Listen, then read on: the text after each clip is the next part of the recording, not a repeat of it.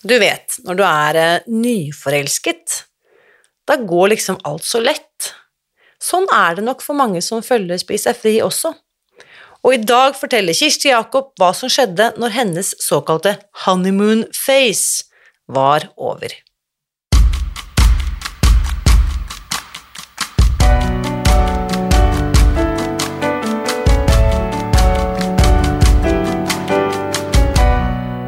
Mitt navn er Irina Lie. Jeg er journalist og forlegger, gründer og sosial entreprenør. I 2015 spiste jeg meg fri fra overvekt og fedme etter å ha slitt med vekt, kropp og følelser i nesten 30 år. Etter at jeg knakk koden, ga jeg meg selv et nytt oppdrag – å dele denne kunnskapen med alle som trenger det. I denne podkasten kan du derfor høre hele lydboken Spis deg fri. Den finner du ved å bla deg tilbake i arkivet og lytte til første sesong. Hver uke inviterer jeg nå gjester som gir deg påfyll til hodet, hjertet og magen. For min visjon er å endre Helse-Norge, og det får jeg ikke til alene. Du bidrar ved å abonnere på podkasten, skrive en omtale i iTunes og tipse meg om hvem jeg burde invitere hit. Da setter vi i gang med ukens episode. Vi kan vel trygt si at det å spise seg fri er en reise. Ting går ikke alltid som planlagt eller forventet, og det er jo det som gjør det hele så magisk og frustrerende og lærerikt og spennende. og Kirsti hun har vært gjest i podkasten tidligere, både i fjor sommer, da hun delte sine tips om hvordan hun forbereder seg til sommeren, i episode 95, som du kan høre ved å gå til spisdegfri.no 95. Og i episode 56, som ble sendt i september 2020, der hun forteller hvordan det å være smart ikke hindret, at, uh, hindret henne i å bli tjukk.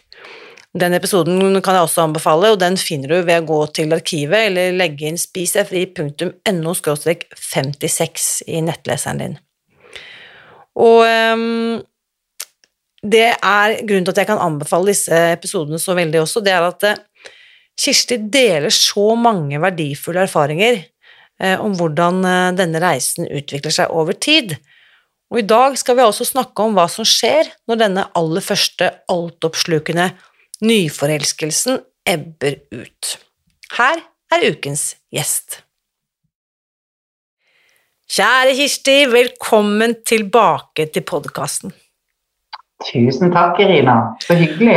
Ja, jeg syns det er fantastisk hyggelig, og anledningen er jo ikke noe mindre hyggelig, fordi du er jo en av disse syv modige kvinnene som deler din historie også i boken Restart, som vi lanserte her tidligere i sommer.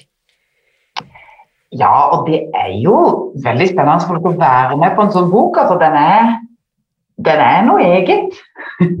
den er noe eget, det kan vi trygt uh, slå fast. Og um, fordi uh, du er jo ikke noen uh, Du er jo også en, hva skal vi si, fast gjest. Du har vært med flere ganger i podkasten tidligere også. Men samtidig er det noe med det å dele historien i boken. Hva tenkte du først da du fikk invitasjonen, Kirsti? Um Nei, jeg syns jo altså, Selv om jeg har på en måte vært ganske åpen om min reise, så er det jo fremdeles eh, sånn lett ubehagelig å bli eksponert i noe som er så varig. Mm. Ikke sant? Internett og det, sånn, det der ute, det føles litt flyktig, men en bok er jo liksom alvor, da. Ja, ja.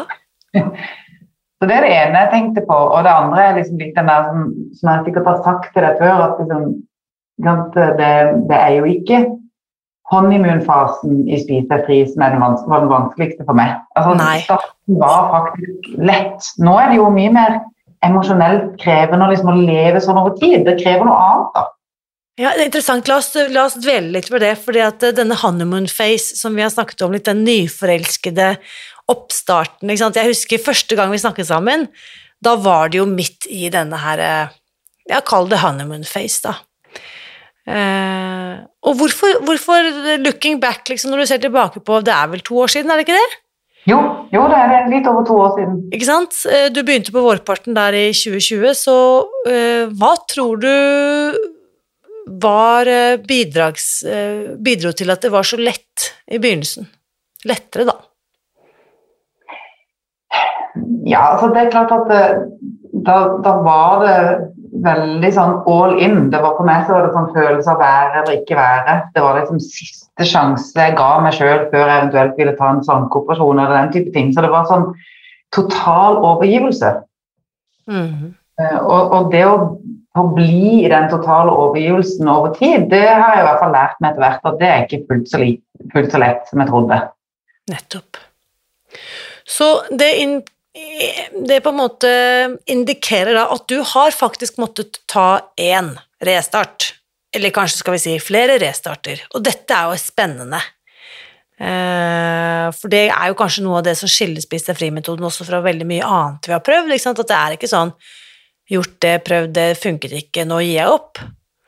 For hva tenker du er annerledes her med disse, la oss kalle det tilbakefallene, eller eh, gå tilbake til gamle vaner? Hva er det som gjør det annerledes med Spis deg fri? Ja, altså det, det, jeg kan si sånn Først er at jeg, jeg, har jo aldri falt helt tilbake til gamle vaner. Jeg har aldri falt helt ned i grøfta og blitt der. Det er jo den store forskjellen. Eh, men jeg har jeg vingler litt, jeg strever litt innimellom. Men, men, den store forskjellen er at nå har jeg jo verktøy som gjør at selv om jeg har dager eller til og med noen uker hvor jeg syns at det er vanskelig, så klarer jeg å komme meg inn igjen uh, i, i, tilbake til der jeg vet jeg vil være. Så det, det virker jo faktisk veldig godt. Uh, men det som er den, kanskje den største skal du si, Hvilke aha-opplevelser har jeg gjort? Jeg har gjort noen aha-opplevelser som handler om at det var ikke bare sukker og mel. Det var, det var større enn det. Ja. det har tatt meg litt tid å forstå da, at det er, selv når jeg kom ut av den der sukkertåka eh, og klarte å tilfriskne i forhold til sukker- og melavhengighet, så viser det seg jo at jeg fremdeles har en ganske stor matavhengighet som handler om mye annet. Og det visste jeg ikke når jeg begynte. Nei, nettopp. For du trodde at du bare var du, altså, altså, Litt sånn satt på spissen, du trodde at du bare var hekta på sukker, at det var det som var ditt problem? Mm. Ja. Ja. Nettopp. Så ja, du sier ut av den tåka, så har jeg oppdaga at jeg faktisk fremdeles er matavhengig, selv etter to år med spise, spise fri. Og det stikker jo litt dypere da, i identiteten min. ikke? Det, det, mm. krever litt mer arbeid med min Det krever mer arbeid med min identitet, med min enn jeg trodde. Og det krever det fremdeles. Nettopp. Det her er interessant, fordi det, eh, det, er noe med at um, det vi ser sant, i runde én, eller la oss si i begynnelsen, det er jo kanskje toppen av isfjellet, og så graver vi oss ved å slutte å døyve og, og, og numme oss selv, da, og være denne tåka som du beskriver, ikke sant? så får vi etter hvert liksom Oppdager vi nye ting, og alt er kanskje ikke da like eh, behagelig, da. Nei, det er jo ikke like vakkert, da. Ikke sant? For det, det, det, hvis du tilbake var honeymoon Jo, da var, da var, jeg jo lykkelig, for da hadde jeg jo skjønt det. Da hadde jeg jo funnet en løsning. Og da var det bare å gjøre mer av det. Men etter hvert så gikk det opp med at det, var, det, det, er ikke nok, det er et større arbeid som skal til. Men samtidig er jo det fantastisk gøy. Det er jo ikke, det er jo ikke negativt. Men det er jo på en måte det er et større palett av ting en må deale med. Det er fremdeles dette med å se på seg sjøl med ærlighet over tid som, som, som, er krevende. Altså. Så det er jo, og, og, men samtidig også grunnen til at jeg fremdeles er her. Da, og til, på en måte er villig til å vise denne jobben. fordi jeg tror det er jo dette som gjør at jeg nå har klart å holde meg stabil siden jeg nådde målvekt for ca. et år siden. Ja, ikke sant? La oss bare snakke litt, bare ta en rask recap på dine elleville resultater. Rent sånn, eh, Du begynte våren 2020, var det april, hvis ikke jeg husker feil? April 2020? Ja, april 2020, ja. Og, og i løpet av litt over et år, ca.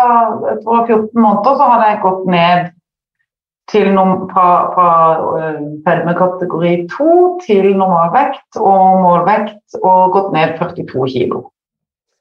Ikke sant? Og da, bare for å ta tallene også, så var du, startet du på Var det 100 117,1. 117,1. Disse desimalene de eh, skal vi ikke tøyse kimse av. 117,1 ned til 75,7 tror jeg nå. Ikke sant, som da på en måte Ja. 14 måneder, og dette er nå et år siden. Eh, og du holder deg der? Ja, ja. Mm, fantastisk.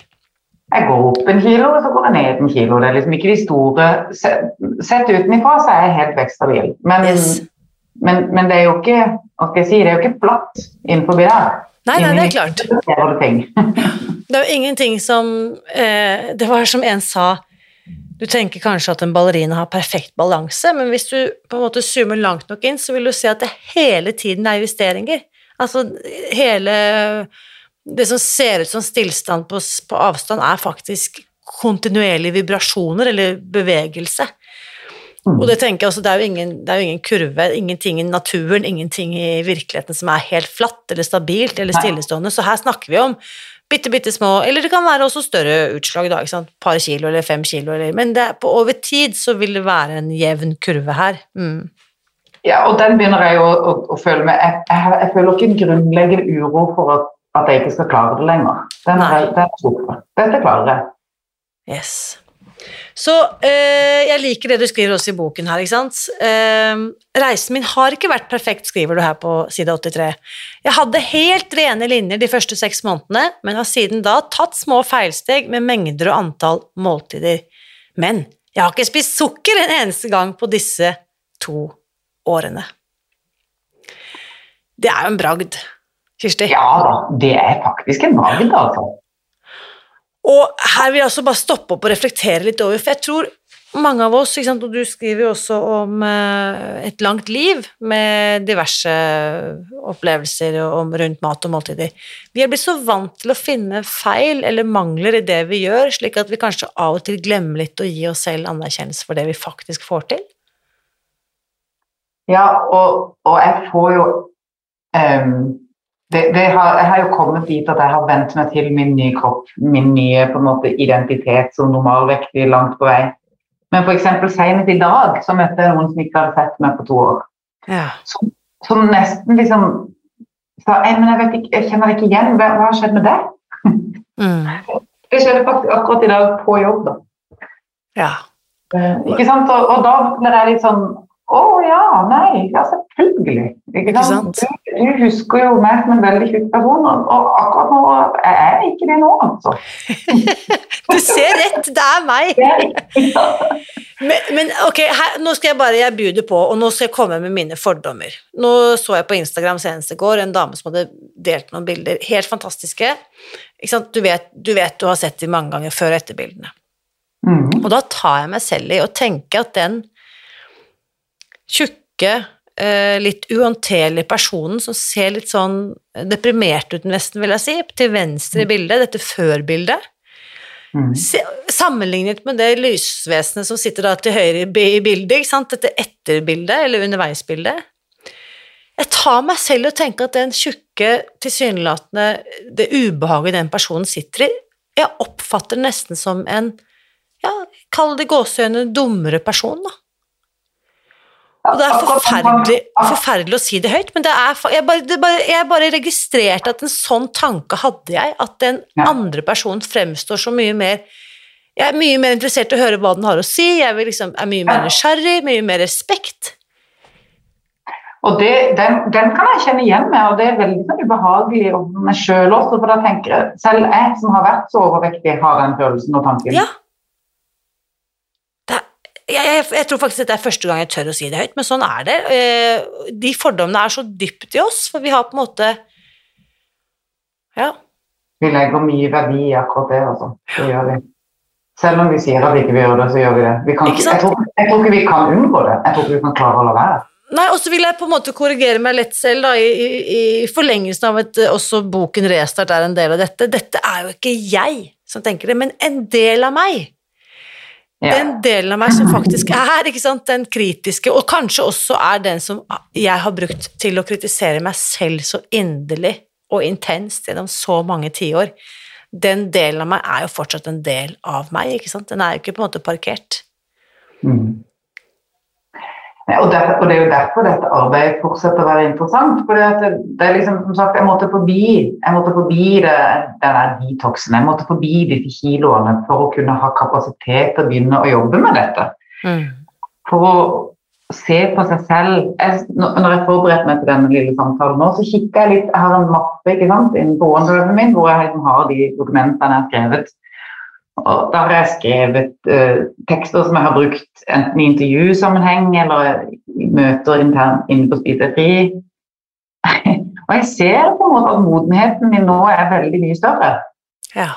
Mm. Um, og det gjør jo også at liksom Da er jo vi langt forbi at dette, som du, det har du sagt hele tida, men vi kan begynne å erkjenne sånn at det er ikke en sankekur, det er på en måte en, en reise i, i oss selv en, en, på en måte en livsreise på å forstå hvorfor, hvorfor gjør vi det vi gjør. mm. hvorfor havner vi der vi havner? Og så er det jo også for meg en stor glede å få lov å ha disse diskusjonene med masse som står i startfasen, som du hele tida har, Irina. Jeg har jo det innimellom med folk som tar kontakt i forhold til de ser hva jeg har gjort og lurer og sånne ting. Og det, det, det er jo veldig spennende å få lov til å være med på folks refleksjoner om seg sjøl, for det, det åpner dette her opp for. Absolutt, og det er så eh, Det er så utrolig spennende nettopp det der å eh, Ikke sant, vi kan jo ikke skjønne mer enn det vi skjønner, naturlig nok, eh, og vi kan jo ikke vite og tro på mer enn det vi selv har opplevd heller, nødvendigvis. Um, men jeg tenker nettopp det at, at du da så raust bjuder på, deler historien både i boken, i podkasten, på Instagram, ikke minst det gjør jo at de av oss som fortsatt står i startgropen og tenker kan dette være mulig, det gir meg jo i hvert fall et håp. Om ikke jeg ennå våger å tro at det er mulig for meg, så ser jeg jo at Kirsti har fått det til og gått ned 42 kilo, så kanskje mm. det kan være mulig for meg òg, liksom. Ja. Og Derfor så fortsetter jeg jo å dele selv når jeg syns Det er kanskje mindre livsviktig for meg nå, da, hele tida, på et vis, enn, enn det var. Eh, men det er jo ikke mer enn halvannen uke siden at jeg smalt skikkelig ut på å spise pizza til middag. Ja, ikke sant? Og da husker jeg du delte ikke sant? at du var, du var, var ikke helt pigg, du var eh, dårlig, det var en bursdagsfeiring i familien, det var mm. kanskje, vil jeg tippe, litt lavt med viljestyrke og ting du hadde brukt kreftene på, andre ting. Ja, og, og, og derfor så, så, sitter jeg der og tenker at her skal jeg være en slags ledestjerne og et slags forbilde, og så ryker jeg på tre stykker med pizza to år inn i reisen. Det gjør meg jo litt sånn Jeg har jo ikke så lyst til å si det da, til alle. Nei, og det tenker jeg er det som også gir det så et utrolig troverdighet. At vi rett og slett, i hvert fall opplever jeg så mange av oss som følger denne metoden, vi er bare mennesker, på godt og vondt. ja. ja da. Det hadde vært så utrolig slitsomt å vært med på dette, Kirsten, og skulle forholdt meg til deg hvis du var perfekt, og det var bare jeg som ramlet med snørra først, liksom. Eh, på snørra. Ja. Men, men, fordelen er jo at um, jeg, jeg, kan, jeg, har noen å si det til.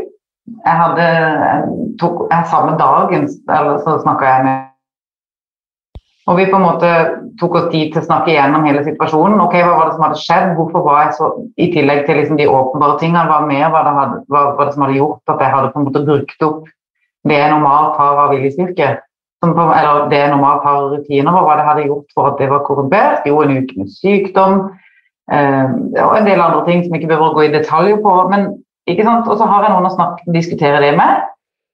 Og så, eh, dagen etter var jo den, den, største katastrofen er jo ikke at jeg gjør det. Dagen etter er det store dramaet. Da står jo jeg der i, i, butikken og visualiserer hånda mi inn til at jeg skal ta den isboksen. Ja, interessant. Ikke sant? Da, oppdager, og da vet jeg jo, nå har jeg lært det, at det er jo dagen etter som er den farligste. Nettopp. Og det hadde vi snakka om med min mastermind-gruppe. Så de sa til meg det at når det skjer, ikke hvis det skjer, når det skjer, så sender du melding til oss. Så jeg står jo her i butikken og tekster med de Du, jeg skal ikke kjøpe isboks. Ja, ikke sant. Bare, å, det er så genialt, den der forpliktelsen. Selv om ikke nødvendigvis noen svarer der og da, så har du fra din side gitt dem din forpliktelse til at dette skal jeg avstå fra å kjøpe. Mm. Og så får jeg melding med en gang mens jeg fremdeles er i butikken. Nei, det skal du ikke, det klarer du. Og så er det sånn med, liv, altså med nød og neppe at jeg karer meg ut av den butikken og kjører hjem så fort jeg kan, og på en måte sier og så, og, Beklager, nå falt du litt, og så karer deg hjem så fort du kan, og så Og bare sitter på hendene mine resten av kvelden. Fordi at ikke sant? Etter en trekk så er jeg altså nesten like svak som helt i begynnelsen. Ja. Det er så Dette er jo tilbakefall eh, liksom 101. Dette er jo helt fantastisk at du det, så, det blir så veldig konkret når du beskriver det på den måten. Mm. Og, Men jeg har verktøy. Det gikk bra. Jeg klarte det. yes? Det, det er den fine fortellinga. Det er det som er gevinsten her. For dette er også mye av det som øh, på en måte er så veldig godt forklart i denne Restart-boken. Betydningen av da annet sosial støtte. Og så kan jeg også da se på meg sjøl med litt milde øyne og ikke bare hate meg sjøl for at det ble sånn, men tenke men vet du hva, det, er ikke rart. Nå, liksom. Og istedenfor å trøste meg sjøl med is, så kan jeg trøste litt med meg sjøl. Men vet du hva, nå har det vært en hard runde her. Nå har du vært syk i flere omganger og post korona og mye å gjøre på jobben og, og greier. At det, jeg, jeg, jeg, har andre tilgjeng, jeg har tilgjengelig andre måter å gi meg sjøl omsorg på enn jeg hadde hadde Det var så morsomt, en som spurte meg bare et par dager siden liksom, men hva spiser du liksom, som erstatning da, for uh, alt det godteriet og isen og alt dette her, ikke sant? Mm. Og da forventet nok han å høre at jeg frosset ned vannmelon, eller lagde noe forsøk på noe, ikke sant? Og når jeg da forteller liksom at jeg, uh, at jeg kanskje går og legger meg for at jeg er sliten, eller ringer en venn fordi jeg er ensom, så, så, så liksom, det var sånn stort spørsmålstegn i ansiktet en stund før han bare opp, opp skjønte at det, å ja, så du, du driver ikke med sånn substitutter, liksom? Prøver Nei. ikke å lage sånn liksom-godteri? Nei, jeg gjør ikke det. Men, men det gjorde jo, det kan jeg jo si da, jeg gjorde det jo, for når man er syk i så kan man jo spise frokoster. Yes. Og det, det var jo det jeg valgte å gjøre som en slags omsorg for meg sjøl. For det er litt lettere å spise. ikke sant? Når du blir kvalm og dårlig, ikke, det er mye grønnsaker, ikke sant? og jeg orker ikke tanken på å knaske. For det er mye knasking. Det er mye volum som skal ned når du skal spise. Ja, det er jo det. Enorme mengder. Det er ganske store mengder med grønnsaker og frukt som skal ned. Mm. Og når jeg følte meg dårlig og svak, så er liksom omsorgen ligger i at men vet du hva, da har vi denne utgangen. Du kan spise en frokost. Og da lagde jeg den kvelden da, istedenfor å kjøpe is, så lagde jeg den beste spise frikokos med vet. Den mykeste, varmeste, rauseste varianten som går an, som nesten er for mye. Men, men da tenkte jeg at da Så det var jo allikevel Og så kan man ha tenkt det med meg sjøl mens jeg gjorde det. Trøster jeg meg sjøl fremdeles med mat nå? Ja. Da, jeg jeg blir veldig nysgjerrig, for det vil jeg tippe at mange andre også tenker. Hvilken frokost er det da, Kirsti? Jo, da er det fire ounces most søtpotet som er dampa, blanda med fire ounces most banan. Proteinen er peanøttsmør, og så er det uh, to ounces med, med blåbær, som er varme. Jeg Bare gjenta. Fire ounces med most potet, var det det du sa? Søtpotet, Søtpotet, altså det er kornet ditt. Det er korn, ja. Nettopp, og så kjører du på med frukt, som da er most banan, fire ounces, og, Ja. og to ounces med blåbær. ja. Eh, og så har du proteinet som peanøttsmør, ja. ja. Jeg skjønner. Dette høres ut som sånn amerikansk. Det er sånn amerikansk. Jeg spiser ikke det til vanlig, både fordi at det, søtpotet har jo mye høyere kaloriinnhold enn eh, havregryn, f.eks. Ikke sant? Så det, jeg velger det ikke som ofte. Så det er sånn, og da, da tenkte jeg igjen, jeg på det igjen med, var det, var det et trøstemåltid? Var det rester av det å trøste seg med mat, eller var det ikke? Jeg elsker også at du setter ord på den indre dialogen som foregår, for den pågår hele tiden, den. Selv om vi ikke nødvendigvis alltid uh, verbaliserer den. Dette er den samtalen som foregår inni hodene våre hele, hele, hele tiden. Og, og jeg tenker noen som hører dette nå, liksom Kunne jeg ha klart dette? Er dette helt, helt sjukt? Eller er, oi, dette hørtes spennende ut. Kanskje jeg skal teste den frokosten? Nei, hvorfor skal jeg det? Jeg skal ha brødskive. Altså, hele denne samtalen, og det å bare stoppe opp og lytte litt, Mm. det er så genialt, og også i denne Restart-boken, for å drive litt uhemmet reklame. Hele Ja. siste del av boken er jo også alle disse spørsmålene jeg kan stille meg selv. La oss kalle det liksom, i mangel på et bedre ord, self-exploration, selvutforskning, da. Mhm.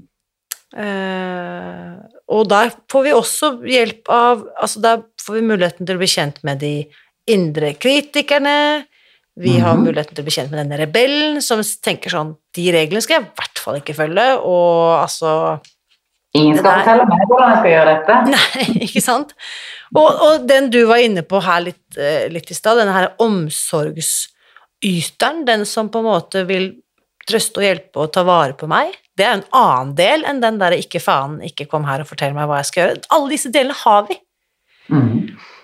Uh, og Og ikke minst språk ja, for de, det, det å få et språk for hva, hvordan det høres ut, da, og, og et verktøy for hvordan du kan identifisere det, ikke bare etterpå, men faktisk mens det pågår, yes. det er denne boka helt fantastisk til. Helt fantastisk. Eh, Og så har vi også, nå skal vi ikke ta hele her, men altså vi har jo også denne her fråtser-delen, eh, som kanskje ser etter anledninger, eller finner muligheter for å kunne ta mer, eller sånn som du var inne på her, ekstra gode, søte, tunge frokoster, eller ja. Mm. Jeg treffer i hvert fall grensa så langt jeg kunne innenfor rammene den dagen. Ja. Og så tenker jeg sånn, tenk hvis det er det jeg Sammenlignet med den toliteren med is, Mm. Så er det jo enorme fremskritt. Enorme fremskritt. Så jeg, min utfallene, krisene er mindre høy, altså bunnene er mindre dype, da. Nettopp. Mm. Så hvis du skulle tenkt deg nå hvis, Vi snakket jo om nyforelskelsen eller honeymoon face. Hva slags fase vil du si at du er inne i, inne i nå? Ja, nå er jeg jo inne i det å lære meg å leve med det i skal du si som et ekteskap, da. I, for better for worse. Ja. Ikke sant? Det, det er sånn det skal være. Jeg er helt innforstått med at det er dette jeg har valgt, og det er sånn jeg vil leve. Men jeg må liksom Jeg må liksom teste ut um, Ja, jeg har ikke gjort noen ting så lenge før. Jeg har aldri holdt meg til noe så lenge før. Nei. Jeg har aldri vært konsistent så lenge før, så jeg vet jo ikke helt hvem jeg er når jeg er konsistent over tid. Jeg har aldri gjort det før. Ikke sant? Hvem er jeg når jeg begynner å ta godt vare på meg selv over tid? Så, Mm. så det er jo en, en del av reisen, da, som uh, Som jeg ikke helt vet liksom enden på, da. Det er jo bare vanvittig vakkert. Det er jo fantastisk. Så eh, ek ekteskap, ja, i gode og onde dager. Og da, er det jo, da ligger det jo også implisitt her at vi er forberedt på at det er ikke bare solskinn. Nei, og det er kanskje godt at man ikke vet når man starter. ikke sant? Så det er For dere som hører på dette og er helt ny, det er, sånn- det er jo akkurat det samme som når du skal pusse opp et hus. Hvis du visste hvor mye arbeid det var, så hadde du aldri begynt.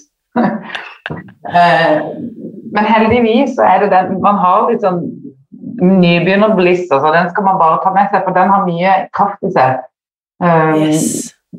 og jeg prøver ikke å si at det blir vanskeligere og vanskeligere, for det gjør det ikke. Det bare, det bare endrer seg. Det bare får nye valører, nye ting dukker opp, nye ting jeg må lære. Mm. Og det er så genialt at det, de utfordringene jeg møter nå på sant, i år syv, er jo ikke de samme som jeg møtte på i uke to. Og Nei. den kompetansen jeg har dratt med meg da, gjennom disse syv årene, den hjelper meg jo nå også, ikke sant, når jeg skal løse de utfordringene jeg møter på nå, da. Mm. Eh, Og det samme med deg, du har jo fått enorm kompetanse i løpet av disse to pluss årene. Ja, og så er det jo en annen ting som av og til nesten forbanner litt, men altså, idet du har lært noe, så kan du ikke avlære det. Nei, nei. Så jeg kan ikke bare velge å ignorere denne kunnskapen, selv om jeg av og til min indre rebell har lyst til å si til meg at drit nå i det. Så, så klarer jeg ikke helt det, for jeg kan det jo. Jeg har jo skjønt det. Jeg har lært det. Ja, bare som en sånn banal, bare for å bruke den isboksen som et eksempel igjen, den kanskje instinktive tanken er at å, det er kos, det er noe jeg fortjener, det skal jeg liksom nyte, og nå er det sommer og sol. Og så er du da den opplyste delen av meg, den, den, den, den som har med seg erfaringen fra hva jeg har stått i gjennom 40 år med overvekt, vet jo at det der er begynnelsen på slutten, liksom. Det der, det der blir ikke bra. Mm. Eh, hvis jeg åpner opp for den Hvis jeg åpner opp den døren, så er jeg liksom Ja, inn på Ja, tilbake til siden det det jeg ikke vil være. Mm. Særlig siden det var potensielt sprekk nummer to, ikke sant? for jeg hadde jo denne sprekken med pizzastykkene dagen før, så Ja. vet jeg at hvis ikke henter de inn nå, så kan virkelig eh, store tsunamien komme. Ja, For Det har jeg prøvd. Det vet jeg i hvert fall hvordan er. ikke sant. Og jeg skal ikke ned den veien igjen. Nei, det er been there, done that. det, det er som å gifte seg med eksmannen, det gidder vi ikke. Nei, vi har prøvd det. Så, men jeg likte også det du sier her, eh, Kirsti, om, sant, til, den, til den som hører på som kanskje er helt ny, da, og tenker at oi, blir det, liksom, blir det så vanskelig etter to år? Liksom? Dette hørtes litt skummelt ut, men det er veldig viktig at det blir jo ikke eh, Det det er bare nye lag, som vi var inne på, det er jo ikke det at det blir vanskeligere og vanskeligere. For på mange måter så er det jo også veldig, veldig lett. Altså, Flesteparten av dagene er det kjempelett. Mm. Så det jeg snakker om nå, er jo de, dag, de få dagene hvor jeg fremdeles kan kjenne det. Eh, la oss si at 90 av mine dager går ganske bra. Yes. Tenker jeg, tenker jeg ikke mye på det i det hele tatt. Sånn at i sum så er jo eh, skal vi si, matstøyen i hjernen betydelig mye mindre. Ja. Men så oppdager jeg samtidig at det tyter ut altså Avhengighet er jo en større ting enn bare mat. Så jeg har jo liksom plutselig oppdaga Jeg måtte jo ha, gi meg sjøl shoppestopp. Ja, ja. Ikke sant? For jeg, ikke sant? Det var så gøy å kjøpe klær, for jeg er blitt slank, jeg måtte jo ha masse nytt. Og så kjøpte jeg altfor mye. Yes. Og så lagde jeg meg en ny regel, da, for jeg har lært fra Brammer, det responderer jeg ganske bra på. Så lagde jeg meg en regel om at jeg bare kunne kjøpe ting brukt. Så gikk jeg jo helt amok på Finn. Ja. Så sier mastermind-gruppa til meg til meg Du, nå må du slette den der Finn-appen. For det tar opp altfor mye plass hos deg. Jeg bare, Å ja, shit. Ja, sånne ting sier vi til hverandre. Det er så deilig å bli sett, og på en måte, hva skal jeg si, også ikke arrestert, for det høres så veldig kriminelt ut det vi driver med, men det at noen konfronterer meg, holder opp et speil, da, så jeg får muligheten til å se på meg selv og se hva jeg egentlig holder på med. Ja, eh, Så nå sletter jeg Finn-appen nå. ikke sant? Og det var det som hadde skjedd dagen før jeg ble syk. Så det var ikke en del av min viljestyrkeutmattelse. Ja. ja, for da hadde du ikke den utløpet, da hadde du ikke det utløpet lenger heller, nettopp. Mm. Dette er, denne reisen fortsetter jo, det er jo ingen, uh, ingen tvil om. Dette er kjempespennende, Kirsti. Og jeg digger også det du så raust deler på Instagram-profilen din, Vollisfri, for de som ikke har oppdaget den ennå. Den kan anbefales på det varmeste. Hvor vi bare, vi må snakke litt om det før vi avslutter, Voll- Vollis, har jeg lyst til å kalle deg, Kirsti.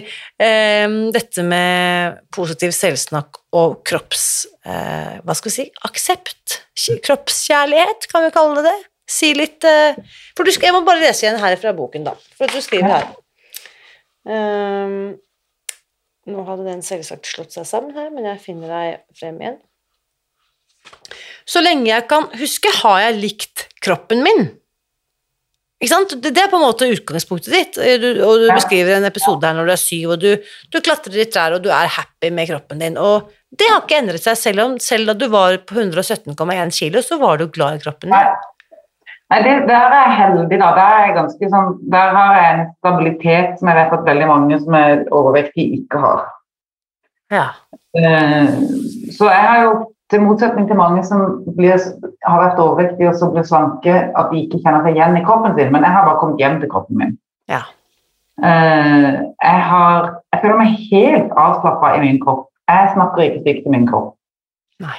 Eh, Så der, der, og, og der Kanskje er litt atypisk, men det er faktisk helt sant. Altså. Det, jeg ler litt av de der litt slunkne puppene. og at det, liksom, at det er litt hud som henger her og der, det gjør ingenting. Jeg skal ikke, jeg skal ikke ha den flateste magen av alle. Det er ikke det jeg ville oppnå. Det jeg ville oppnå, var én helse, to fred. Ja. Og det har jeg klart. Og om denne kroppen som nærmer seg 50 år, har skrukker eller krøller eller Ja. annet, det, det, har jeg, det har jeg nesten hele tida fred med. Det er ikke så glad i det når han ikke virker, når jeg blir syk f.eks.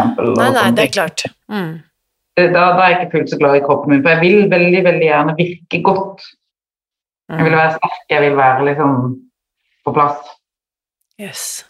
Så, men, men altså det, det, å, det å kjøpe seg klær nå i størrelse 38 og 40 er jo fantastisk, for det er jo mye lettere. Alt ser jo bedre ut når man er sankere. Det er ikke noen tvil om det. Bør, jeg mener ikke at vi bør å Jeg har jo fulgt med litt på denne um, body positivity-krangelen. ikke sant? Vi, er, det, er det dårlig at, vi, at det finnes en bevegelse som snakker opp de som har rundere kropper? Og det, den, den samtalen er jo nesten umulig å gå inn i uten at du havner i en skyttergrav i en eller annen ende. da, Men jeg tenker at hvis vi klarte å holde fokus på at det er helseskadelig å være veldig overvektig, og det er bare omsorg å, å gå ned. Det ligger omsorg i å gå ned. Det er ikke selvhat å gå ned. For det er det visst noen som tenker. Ja, ikke Og det, det forstår ikke jeg. Det er omsorg i å gjøre denne kroppen en tjeneste. Jeg har gjort denne kroppen en stor tjeneste som nå skal tjene meg. Og det, det er noe av det viktigste jeg har gjort for kroppen min. Ja, fantastisk. Eh, jeg, er, eh, jeg er alltid tilhenger av å snakke pent til kroppen. Det har jeg ikke klart å praktisere selv i mitt eget liv. Eh, og litt det vi var inne på i stad, fordi at jeg har vært liksom så veldig på en måte primet på å lete etter feil, og er det ikke det ene, så er det det andre. Ikke sant? Så det tror jeg at vi alle sammen kan bli flinkere til, da, og liksom la, la oss inspirere av ja, det du sier at hvis vi, har, hvis vi tar en sjekk da med oss selv, hva er egentlig målet? Jo, det er helse og fred. Ja, takk og lov da, at eh, denne kroppen har eh, født to velskapte barn, og magen er litt preget av det, men det skulle bare mangle, liksom. Så Men jo, hvis en har utfordringer med det, så må en jo gjøre aktive grep for å Og jeg gjør jo aktive grep. Jeg står og ser på meg selv i speilet og sier at strikke meg, du er fin i dag. Ikke sant? Ikke sant? Altså, Men det gjorde jeg jo da jeg var tjukk òg. Se på henne, da, tenkte jeg. Jeg ikke hva det jeg tenkte. Det var. Jeg så jo ikke at hun var tjukk. Jo, jeg vil faktisk også legge til en uh, tips der. Det er jo Jeg trengte å bli kjent med ytterkanten av min egen kropp på nytt etter at jeg hadde gått ned i vekt. Så for eksempel massasje, det er nå en fast del. Jeg går Ja. fast til massasje én eller to ganger i måneden.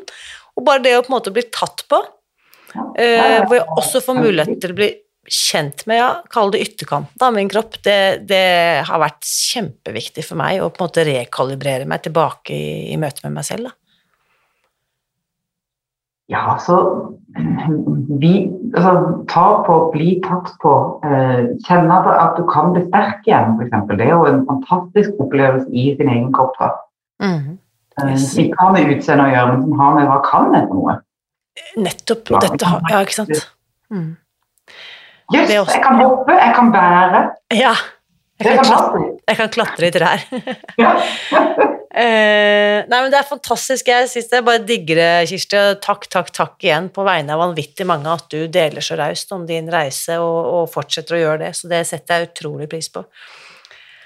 Eh, bortsett fra at folk må løpe og kjøpe boken, ikke bare for å lese din historie, men for å lese all denne vanvittig viktige kunnskapen som deles i Restart. Hva, hva annet vil du råde eller tipse eller inspirere folk til å Hvis du skulle gitt dem et lite sånn tips? Hvordan komme i gang, eller hva det måtte være? Ja, altså, er, er du nysgjerrig på dette, så har jeg i hvert fall bare lyst til å si at det er ikke så farlig som du tror. Mm. Eh, Det, det går altså så fint å leve sånn som vi gjør uten sukker, og sukker og mel. Dette er det så mange som gjør, og som har helt gode liv, og som ikke føler seg eh, undertrykt eller kjedelige eller hva det skal være. Så det, det kan jeg bare begynne med å si at jeg har tro på at det går faktisk an. Mm. Uh, og at du vil føle deg bedre. Jeg tror ikke jeg har møtt noen som spiser etter denne metoden som ikke føler seg bedre ganske fort. Litt forskjellig hvor mange uker det tar. Noen tar det to dager, andre tar det noen, noen, noen uker. Men hvem vil ikke føle seg bedre? Ikke sant?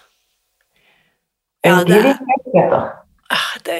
Altså, på så mange nivåer. En ting er fysisk, som vi har vært inne på nå, men energetisk, søvn, tilstedeværelse mm. snakket om sukkertåke tidligere her. Eh, Mm. Jeg kjenner også på fokus, konsentrasjon, kreativitet, eh, og ikke minst det den opplevelsen av integritet, at jeg, at jeg blir en person jeg selv kan stole på, da. Mm. Jeg er en person som holder meg til noe. Som står for noe, og som står i det. Mm. Det er fantastisk. Nei, dette er gull, eh, Kirsti. Da vil jeg bare si tusen takk, og så snakkes vi igjen snart. Det gjør vi nok. Da får du ha god sommer. Takk. Jeg er godt i gang allerede. Takk, takk for i dag. Ha det. Nå lurer jeg på, hva tenker du etter å ha hørt min samtale med Kirsti i dag? Hva er det som gjorde deg motivert eller inspirert, eller kanskje forundret og frustrert? Uansett hva du sitter igjen med, så håper jeg du blir med over i Facebook-gruppen Spis deg fri, hvor samtalen etter ukens episode fortsetter. Og hele historien til Kirsti kan du også lese i boken Restart, som er tilgjengelig i alle landets bokhandlere, og som også kan bestilles på våre nettsider. Spisdegfri.no restartboken. Og du fikk med deg at boken gikk rett inn på bestselgerlisten da vi lanserte den tidligere i sommer.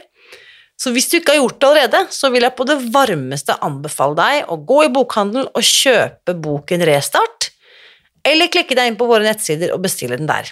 Den finner du på spisdegfri.no restartboken. Og i neste uke, da gjør vi et stort sprang. Da skal jeg ta en prat med Elin Madsen, som er leder i Norsk lymfødem- og lipødemforbund. Så kom tilbake hit neste søndag. Husk også, uansett hvor du er denne sommeren, så vit at jeg heier på deg. Alltid.